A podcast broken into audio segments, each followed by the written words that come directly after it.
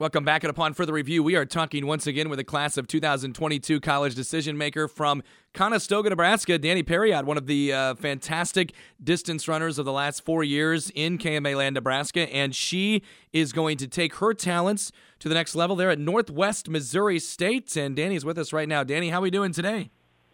I'm doing good. Good, good. Appreciate you taking the time to talk with us. Uh, I know you've kind of had this, uh, you know, uh, figured out for a couple weeks now. You're signed, you're sealed, you're delivered. Not quite yet delivered, I guess, to Northwest. But tell me about the process of, uh, you know, choosing Northwest Missouri State. How did it all come about for you? Well, um, I went on my visit there. It was one of my first college visits, and just being on campus felt like home to me. And then I met met the teammates, and they were very welcoming, and I just felt like that place was my place to be. Mm-hmm. What was it, uh, if you could, you know, pinpoint a few things that really stood out to you? What were the things that you liked the most about Northwest? Um, it being a small campus, easy to like. I'm coming from a smaller school, mm-hmm. um, being in Class C, so it being a smaller campus um, really helps, and just I don't know. Yeah, it just feels right. You like the color green? Yeah, I do. Good. Uh, we're talking with Conestoga's Danie Parriott. She is going to continue her running career at the next level following graduation uh, from Conestoga there at Northwest Missouri State. Put together uh, an incredible cross country career, certainly uh, distance running and track as well. Tell me a, a bit about uh, you know getting this decision done and getting an opportunity to run at a very high level there at Northwest in Division Two. What, what's that? What, what's it mean to you to you know have this opportunity? I feel very blessed that I can run at a high level, especially like um, I'm coming from a smaller level in like Nebraska, mm-hmm. so being able to like run at Division two is crazy to think about. Yeah, you of course, uh, you know, you won your state cross country championship as a sophomore.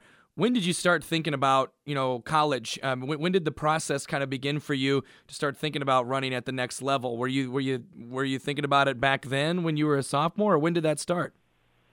Uh, kind of my sophomore year after my track season got mm-hmm. canceled because of COVID. Yeah. Um, my sister, my older sister Jackie, ran at Doane, mm-hmm. so she graduated when I was just starting to run, like in seventh grade.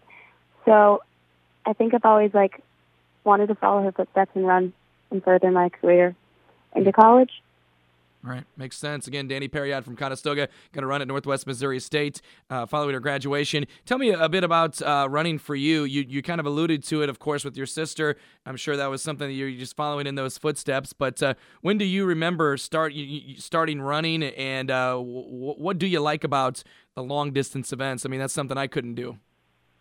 Um, I started running my seventh grade year in track, and then I ran my eighth grade year in track, and then we got cross country, cross country program was reestablished my freshman year. So I ran cross country and track mm-hmm. freshman through senior year now. Um, so yeah, what, what, what do you what, what do you like about running long distances? Um, just I, it just kind of stuck. So I've had two older sisters run in high school, and I was like, I want to do that, and it's kind of just peaceful while I'm doing it. Yeah. What do you think about? Are you thinking about anything while you're running? No. no, nothing at all. That's that, that's one th- question that I like to ask, uh, just because uh, you never know. Sometimes there are some wild thoughts running through your head as you're running these long distances. Now uh, that you've got this done, obviously you're focusing on your other sports at the moment and in the future.